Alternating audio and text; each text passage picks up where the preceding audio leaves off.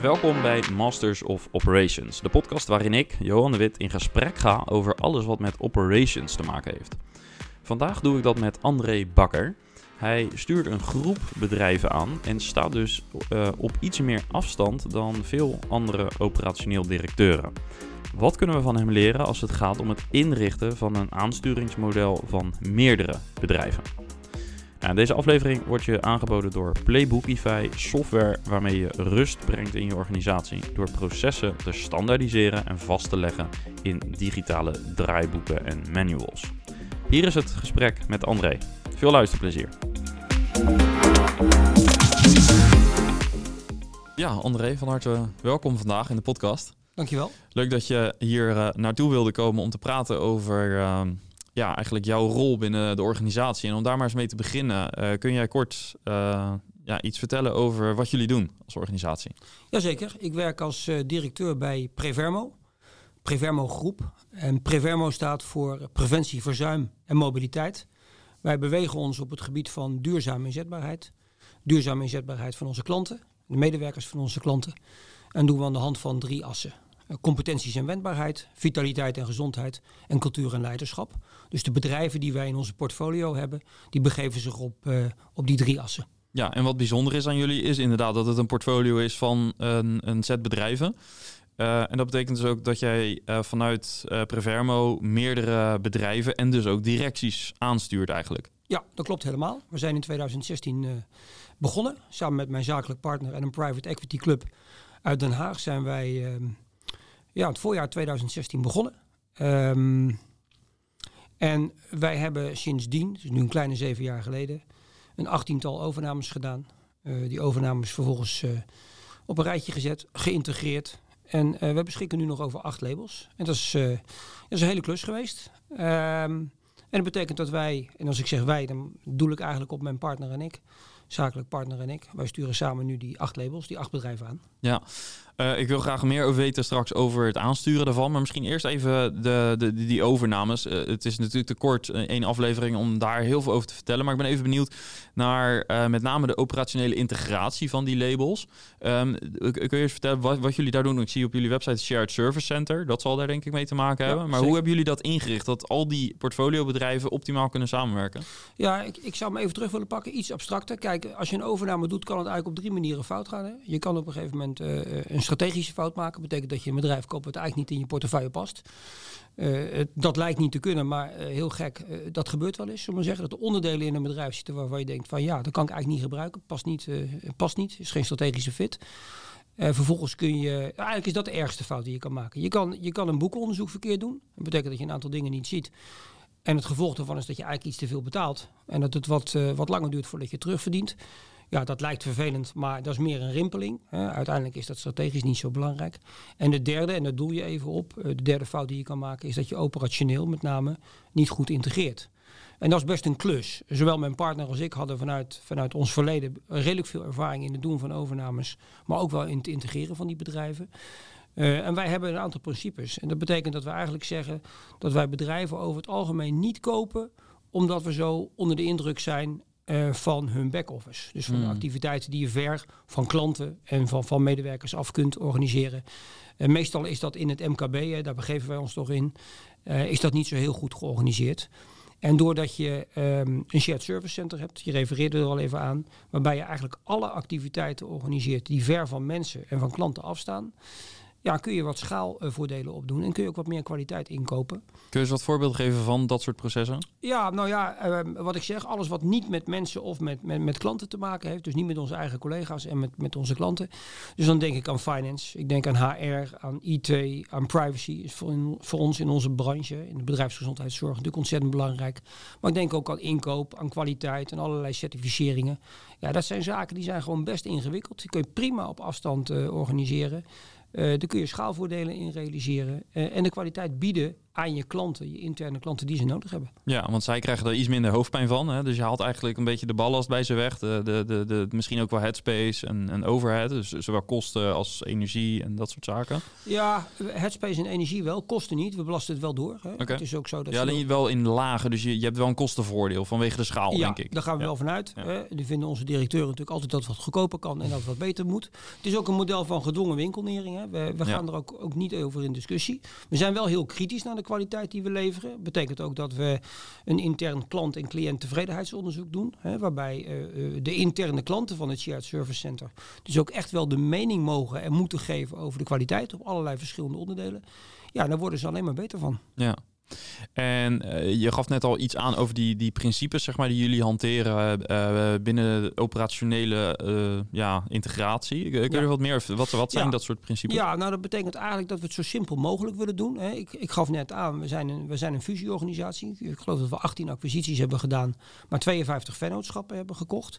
Ja, als je die niet opruimt hè, door, door, door of een liquidatie of een juridische fusie, ja, dan wordt het managen best wel complex. Dus we zijn van simpel. Ehm, we hebben ons uitgerekend, we hebben geloof ik 90 eh, ICT-applicaties bij elkaar gekocht. Nou, er zijn er nu nog 12 van over. Dus dat betekent dat we eigenlijk proberen te zoeken naar de beste oplossingen. En die proberen we dan in een soort blauwdruk over de hele groep neer te leggen. Eh, dus, dus e- één pensioensysteem, één boekhoudsysteem, één salarispakket. Ehm, eh, eigenlijk zo simpel mogelijk om de complexiteit uit het bedrijf te managen. Ja. Ehm, ik heb daar nog wel wat vragen over. Maar waar ik ook benieuwd naar ben, is wat zijn eh, de dingen die je absoluut niet moet willen integreren? Nou ja, dat is een beetje the other way around. Hè. Ik zei net, alles wat je dicht bij mensen en bij klanten organiseert, ja, dat moet je gewoon ook in de bedrijven laten. Daar Ja. hebben we ook een directeur voor per bedrijf eh, en een managementteam.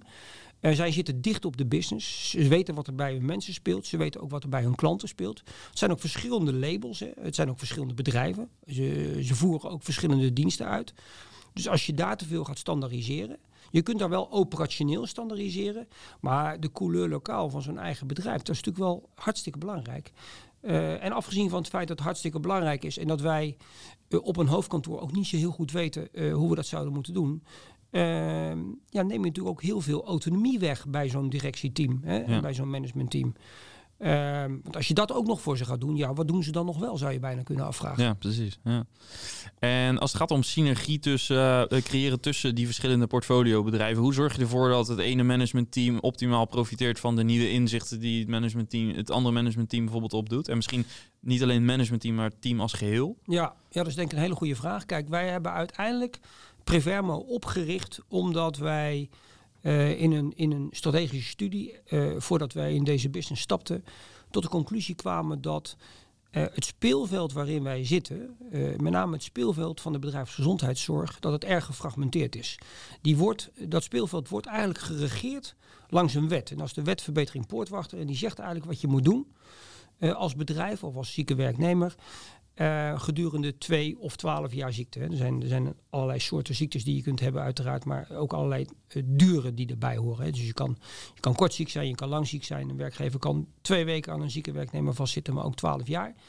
En dat wordt geregeerd door de wetverbetering poortwachter. En wat je ziet in Nederland is dat eigenlijk elk eh, stukje in dat proces wordt gedaan door een ander bedrijf. Een ander soort bedrijf. Dus wat wij nou hebben gedaan is alle bedrijven die die hele procesgang beheersen bij elkaar brengen. Nou, daar hebben we zes jaar over gedaan.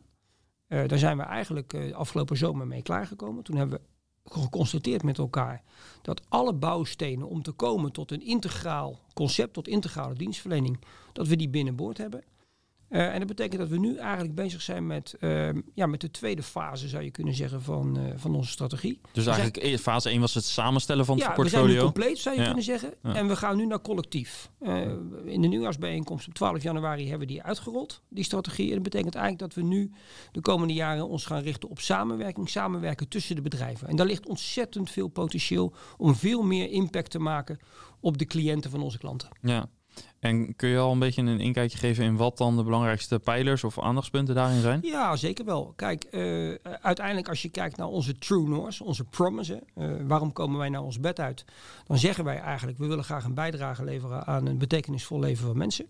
Nou, en wij denken dat we dat kunnen doen door meer te gaan samenwerken. Dat is ook een van de redenen waarom we deze nieuwe strategie, of deze strategie wenden, hebben aangekondigd. Uh, maar je kan je voorstellen dat uh, op dit moment bedrijfsartsen ja, redelijk solitair werken. En niet zo heel veel uh, bezig zijn met, met de voorkant van het proces, met preventie. maar ook niet met de achterkant van het proces, met mobiliteit. Dus als je ze kunt laten samenwerken met coaches, met adviseurs inzetbaarheid, met mobiliteitsexperts, uh, met mensen die preventief medisch onderzoek doen. Dat je eigenlijk een veel mooiere propositie, een veel bredere propositie kunt neerleggen bij een klant en ook bij een cliënt. Met als uiteindelijke doel minder verzuim en korter verzuim. Want daarom zijn we op aarde. Ja. Uh, ik ben benieuwd naar zeg maar, de dynamiek tussen jou en de operationeel verantwoordelijke van de portfoliobedrijven zelf. Um, dus, dus eh, ik kan me zo voorstellen dat jij uh, verantwoordelijk bent voor het grotere plaatje. Dat je dus ook de visie van uh, Prevermo, dus de groep, moet, moet, ten uitvoer moet brengen. En, en ook moet opstellen, denk ik, in bepaalde zin. waar, houdt jouw, waar, ja, waar houdt jouw werk op? En waar begint dat van de directeuren die jij aanstuurt? Ja, ja dat, is, dat is een goede vraag. Ook wel eens een beetje een gevoelig onderwerp. Kijk, ik heb bijna mijn hele leven zelf in de operatie gezeten. Uh, en wij hebben natuurlijk een aantal directeuren die, die operationeel hartstikke goed zijn. Maar we hebben ook directeuren die wat meer uh, een, een salesprofiel hebben, een commercieel profiel. En, en daardoor misschien iets minder operationeel zijn als we een beetje... Ja, of daar minder affiniteit mee ja, hebben. Hè, of dat wat minder goed kunnen. Ja, en als je dan ziet dat dingen uh, niet helemaal goed gaan, of niet gaan zoals jij ze wil, dan, dan, dan ja, beginnen die handen een beetje te jeuken. Uh, dus wij hebben een paar jaar geleden, met mijn partner en ik, samen besloten dat we wat meer afstand nemen. Om ook de autonomie daar te leggen waar die hoort.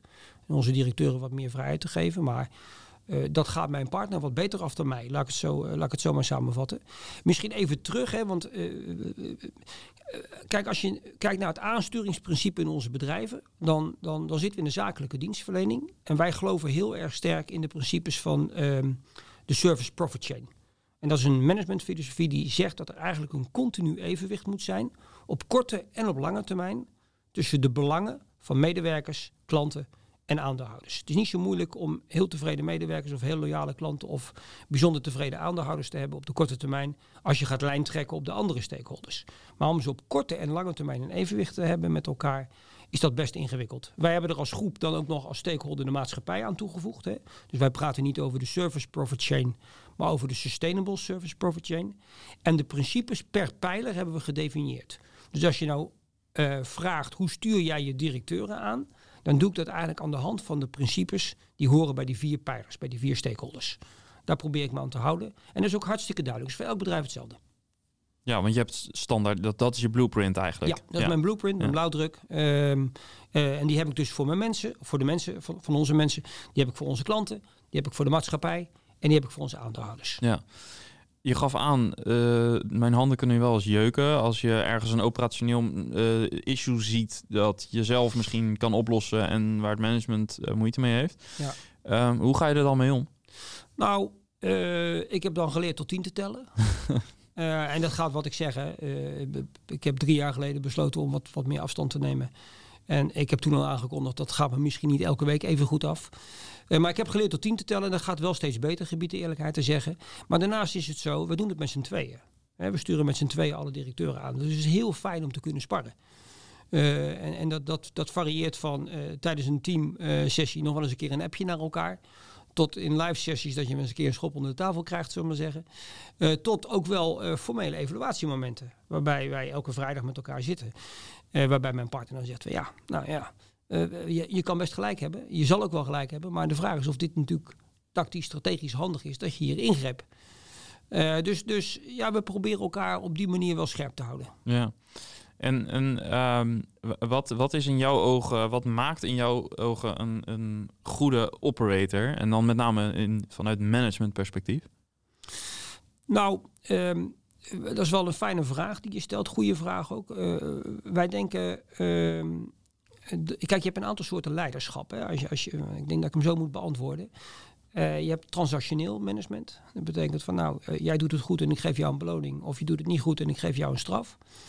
Dan heb je transformationeel leiderschap. Dat betekent eigenlijk dat je zegt van nou als leider of als manager of hoe je het ook wil noemen, coach en adviseer je, stel je kaders. Ehm, inspireer je en, en, en probeer je een rolmodel te zijn. En je hebt laissez-faire. En laissez-faire is eigenlijk dat je zegt van joh, maak me geen bal uit wat je doet als er maar 100 uitkomt. Nou, dat laatste, dat vinden wij sowieso geen goede managementstijl, geen goede leiderschapsstijl. Blijven die andere twee eigenlijk over, transactioneel en transformationeel. Uh, lang voordat ik in deze business begon, heb ik, heb ik uh, zelf ondernomen in, in schoonmaak en beveiliging, in de facilitaire industrie. En daar is dat een prima model. Uh, flinterdunne marges, dan moet je ramstrak sturen om, om een beetje geld te verdienen. Kijk, in die bedrijfsgezondheidszorg waar wij zitten, heb je sowieso te maken met, met, met een ander opleidingsniveau. Ik denk dat meer dan 50% van ons personeelsbestand academisch uh, geschoold is.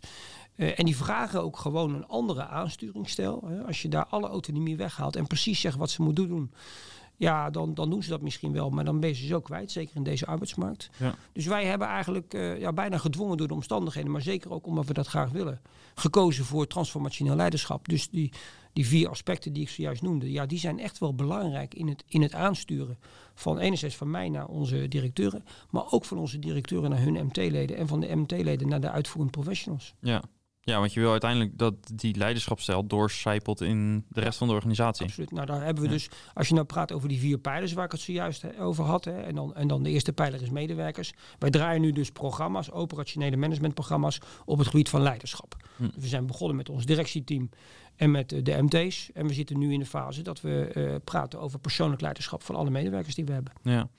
En welke persoonlijke ehm, kenmerken of, of kwaliteiten uh, zijn belangrijk in een rol als operationeel verantwoordelijk?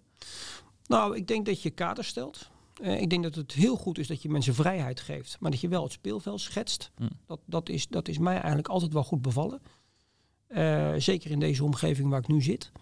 dat, dat is een belangrijke. Ik denk dat je er niet aan ontkomt om ehm, uh, te snappen hoe je geld verdient. Dus de value drivers, laat ik maar zeggen, in je business, die moet je goed begrijpen. En het heeft in onze business, het is toch een urenbusiness, iets met productiviteit te maken. Ja. Uh, en met prijsvorming naar klanten. Uh, dat is denk ik een belangrijke eigenschap. Ehm, ja, en je moet toch ook wel geïnteresseerd zijn in een bepaalde mate van detail. Hm. kijk, het PowerPoint management werkt, vind ik, in de operatie niet zo best. En wat is PowerPoint management? Nou, dat je hoog over aangeeft hoe je het hebben wil. Mm. of hoe het moet gebeuren. Uh, maar dat je je met de uitvoering eigenlijk niet bemoeit. Het is ook niet, de operatie is ook niet voor niks de uitvoering. Hè? Ik bedoel, dat kan iedereen die in een operatie werkt, die weet gewoon dat er elke dag tien dingen verkeerd gaan. Mm. Uh, en dan moet je bovenop zitten. Ja. En, en hoe vind je de balans tussen uh, inderdaad die details benoemen en, en inderdaad ook tot op dat niveau kunnen managen? En aan de andere kant geen micromanager worden, wat dat willen we volgens mij allemaal voorkomen. Want... Ja, er ligt een beetje aan op welk niveau je in de organisatie zit. Ik, hm. eh, er zijn natuurlijk best wel posities, ook in mijn organisatie, waarbij je uh, prima kunt permitteren om geen micromanager te zijn. Sterker nog, waarin het contraproductief werkt. Ehm, ehm, maar er zijn ook wel niveaus waarbij het wel belangrijk is dat je precies weet wat er aan de hand is. En dat je als je een knopje A draait, wat er dan uh, aan knopje B gaat gebeuren, zullen we maar zeggen. Dus dat is toch wel relevant. Ehm, maar ja, hoe hoger je natuurlijk, ja, ik zou bijna zeggen in de hiërarchie zit, een beetje een vervelend woord, maar hoe hoger je de boom zit in een organisatie. Ja, als je dan micro blijft managen, zou ik maar zeggen, dan, ja, dan word je ook niet serieus genomen door de mensen die je aanstuurt. Ja. Dus daar moet je wel voor uitkijken. Ja. Wat wordt dan belangrijk als je. Nou, dan, dan, dan vind ik het belangrijk dat je uh, zorgt dat je een team om je heen hebt, of de mensen die je aanstuurt, uh, dat die dat ook niet nodig hebben. Dat die uit zichzelf zelf opstartend vermogen hebben, hm. uh, zodat je dus niet elke dag achter de broek hoeft te zitten. Ja. Uh, nog even terug naar uh, jullie overnames. Hè. Jullie hebben er veel gedaan dus, uh, die jullie uiteindelijk hebben geïntegreerd. Um, kun je een voorbeeld geven van een, zeg maar echt een perfecte overname en dan met name op het gebied van die, die integratie weer? Dus wat maakt het een perfecte fit? En, en zijn er ook voorbeelden te geven van overnames die jullie hebben gedaan die niet uitpakten zoals jullie hadden gehoopt of verwacht? Ja, ja. Ik denk, uh, laten we beginnen met de overnames die, die, die goed gelukt zijn. Hè. Daar, daar zit um, uh, allereerst een strategische fit. Hè. Uh, we hebben wel eens gezocht naar een bedrijf op het gebied van cultuur en leiderschap. En die zijn gewoon lastig te vinden. Afgelopen zomer hebben we er één kunnen toevoegen aan onze portfolio. En dan, dan heb je eigenlijk natuurlijk gezien bijna altijd een fit. Hè, want je had nog niks en, en, en je zocht wat. En, en dat past prima in onze dienstverlening. Hè. Dus daar ziet dat vaak op toe of een, of een overname uh, geslaagd is. Nog even afgezien van het geld wat je ervoor betaalt. Um, bedrijven die um, gemanaged werden, of worden, nee, werden voordat wij, uh, voordat wij uh, ze aantroffen.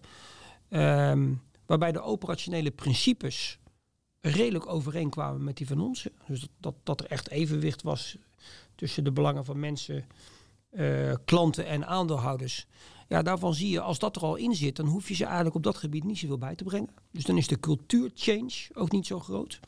Ik denk dat dat overigens een van de belangrijkste aspecten is. Niet alleen operationeel, maar door de hele organisatie. Van is er een cultural match, hè, zullen we maar zeggen. Ja. Zo meteen nog wel wat over vertellen. Maar dat is wel een belangrijke. Um, ja, en, en wanneer gaat het fout als dat allemaal niet aanwezig is? Mm. En eigenlijk zie je dat al een klein beetje in het boekonderzoek. Um, op het moment dat de documenten die je vraagt er niet zijn. Op het moment dat je eigenlijk op acht van je tien vragen niet het antwoord krijgt wat je, wat je hebben wil. Als dat al in de top zo geregeld is van een club, want vaak heb je alleen maar toegang tot de DGA in een, in een dataroom of in een vragengesprek of in een enquête ja, dan, dan is het daaronder niet veel beter. Dus een indicator eigenlijk, ja, dat er misschien iets niet op orde is. Ik zou zeggen meer dan dat. Meer dan dat. En dan kan die strategisch nog heel belangrijk zijn. Hè? En dan kan je best tot de conclusie komen van nou, het duurt een jaartje langer, want we moeten dit er wel voor betalen. Het duurt een jaartje langer voordat we terugverdienen, want we hebben nogal wat uh, change costs, om zo maar te zeggen. Ja. Uh, maar dan, ja, dan past die van nature wat minder goed. Ja. Um, die cultural match, wil je wat meer over vertellen? Ja. Nou, um, als je de manier van werken bij een partij die je aantreft te veel geweld aan moet doen. Als, je, als je praat over operational excellence of je praat over verschillende belangengroeperingen in je club. En, en daar wordt allemaal een beetje gek op gereageerd. Um, Als in weerstand bijvoorbeeld? Ja, of van joh, dat, dat, doen wij niet en dat, daar voelen we ook niks voor. Uh, ja, je kan het weerstand noemen. Ja, dan weet je eigenlijk dat die cultuur gewoon niet overeenkomt. Dat daar niet de cultuur in gaat zitten van continu verbeteren. Nee. Um, en uh, wat wel aardig is om te melden, we hebben dus onlangs een bedrijf gekocht wat zich begeeft op het gebied van cultuur en leiderschap. Um, we zijn nu even uitgewinkeld, om het zo maar te zeggen. Maar we zijn eigenlijk wel voornemens op het moment dat we ooit weer de strategie oppakken van verder acquireren. Om aan ons boekenonderzoek ook gewoon een cultuuronderzoek toe, uh, toe te voegen. Ja. De zachte varianten en de zachte aspecten, zou ik maar zeggen, in een overname zijn best wel heel belangrijk. Ja, want nu tijdens jullie due diligence heb je meer gekeken naar de financiële performance bijvoorbeeld. Ja, ja. ja het is wel wat breder dan dat. We kijken ook wel naar HR, uh, eh, we kijken naar uh, de fiscaliteit, we kijken naar uh, markt en klanten, naar de privacy kant. Legal waarschijnlijk. Ja, ja. maar dat is eigenlijk allemaal nog wel redelijk harde informatie. Nou, en dan weten we inderdaad dat ze 20 auto's hebben rijden en dat ze bij leasepartij A zitten en ze moeten een keer naar leasepartij B. Ja. Nou, dat is heel belangrijk, hè? dat moeten we allemaal regelen. Maar ja, dan denk ik achteraf bij mezelf, ja, nou ja. En stel je nou voor dat ze bij Lies partij C hadden gezeten. Was dat dan een deelbreker geweest? Ja. Terwijl als je, iets, iets, als je de culturele aspecten iets harder kunt maken en kunt meten... en dat kunt leggen op je eigen cultuuraspecten... Ja, dan zie je gewoon waar, waar je echt gewoon uh, bridges to gap hebt. Ja. Ja, en die zijn moeilijker te corrigeren dan een leasemaatschappij. Zeker, ja, ja zeker. precies. Ja. Um, waar ik ook benieuwd naar ben, misschien zijn er ondernemers die luisteren en die, um, uh, die, die, die, kijken natuurlijk vanuit hun perspectief naar een bedrijf. Uh, jij kijkt vanuit het perspectief, onder andere in de overnamegesprekken, uh, kijk je vanuit een mogelijke investeerder. want je gaat een bedrag betalen en je wil daar uiteindelijk een, een, valide businessmodel van kunnen maken. Um, Kun je ons iets, iets vertellen over um, hoe het verschil waarop jullie vanuit jullie rol naar een bedrijf kijken, om de gezondheid, om de toekomstbestendigheid, om, uh, nou, noem, noem het maar op, om, om de continuïteit van een bedrijf te assessen, te beoordelen, uh, waar een ondernemer vaak helemaal niet aan gedacht heeft? Zijn er van die blind spots van een ondernemer die jullie vaak raken? Ja, dan bedoel je de ondernemer die overgenomen wordt. Ja, precies. Ja. Dus dat jullie bijvoorbeeld tijdens je due diligence eigenlijk standaard op dingen uitkomen van je zeggen wij vinden als wij een bedrijf overnemen vinden wij dit echt cruciaal dat dat goed op orde is. En bij bijna geen één MKB-ondernemer wordt daar voldoende aandacht aan besteed. Ja, nou, dat is wel aardig dat je dat vraagt. Ik heb laatst een gesprek gehad met, uh, uh, met onze participatiecommissaris. Hè. Dat is de, de, onze voorzitter van de Raad van Commissarissen die wij hebben. Die namens de, de participatiemaatschappij, de Private Equity Club, uh, bij ons aan boord is. Eh, en die liet mij een staatje zien van al hun participaties. eh, die zij vanaf, nou, ik denk begin jaren negentig hebben gedaan. En er is echt een causale relatie dus tussen de kwaliteit van de administratie, of de financiële functie misschien beter gezegd, eh, en, en de waardeontwikkeling van de participatie waarin zij deelnamen. Ehm, dat, dat, is, dat is echt bizar. Dat is bijna R kwadraat is min 1, zou ik maar zeggen. Als je, als je nog even terug gaat naar de leerboek. Ja, ja. Dus dat is echt eh, een, een onwaarschijnlijke eh, relatie. En dat zien wij eigenlijk ook wel terug. Ehm, de eerste winst die wij over het algemeen te pakken hebben, is door dingen goed te structureren, maar ook de financiële functie op orde te hebben. En dat, dat, dat is niet alleen de boekhouding, hè, want dat, dat spreekt bijna voor zich. Hoewel dat bij lang niet alle MKB-bedrijven goed voor elkaar is. Maar het werkkapitaal terugmanagen. Zorgen dat je klanten niet op 60 dagen betalen, maar op 30 dagen betalen. Je crediteuren netjes op tijd betalen. Geen achterstanden bij de Belastingdienst. Ja. Maar vervolgens ook inzicht, zal ik maar zeggen, via eh, eh, eh, business intelligence tools. Wat zijn nou je value Dus drivers? rapportages. Juist. Ja. En dus het is niet alleen maar externe verslaggeving, maar ook interne berichtgeving. Weten wat je ROI is op eh, Ja, je klanten. Ja, en, ja, dat. Maar ook weten dat ehm, als je te weinig verdient op een klant, en dat kan natuurlijk, om wat voor reden ook, ligt het dan aan het tarief wat je bij die klant hebt? En kan Ja. je dat tarief überhaupt verhogen? Of ligt het aan het feit dat de mensen die op die klant actief zijn, ja, maar 50% van hun tijd productief zijn en de andere 50% andere dingen doen. Misschien wel heel zinvolle dingen, Ja. maar dragen niet gelijk bij aan de winstgevendheid. Ja, dus zou je kunnen stellen dat bij veel, ik generaliseer een beetje, maar dat bij veel MKB-bedrijven dat men te veel kijkt naar, oké, dit is de topline revenue en dit is de bottom, dit is wat we uiteindelijk aan het eind van het jaar overhouden en dat is X. En dat is goed of het is niet goed, maar dat je echt eh, inzicht hebt in de value drivers en de variabelen die dat resultaat beïnvloeden, dat dat laatste te weinig in place is. Dat denk ik wel, ja. Ja, Ja, Ja. dat denk ik wel. ja. dus dat de is ook- goede wel. ja. Eh, overigens, die, die verleiden we ook graag om onderdeel te worden van onze portfolio. Want dat betekent gewoon dat we minder, eh daar betalen we wel iets meer. Eh, omdat ze een, een hogere winstgevendheid hebben.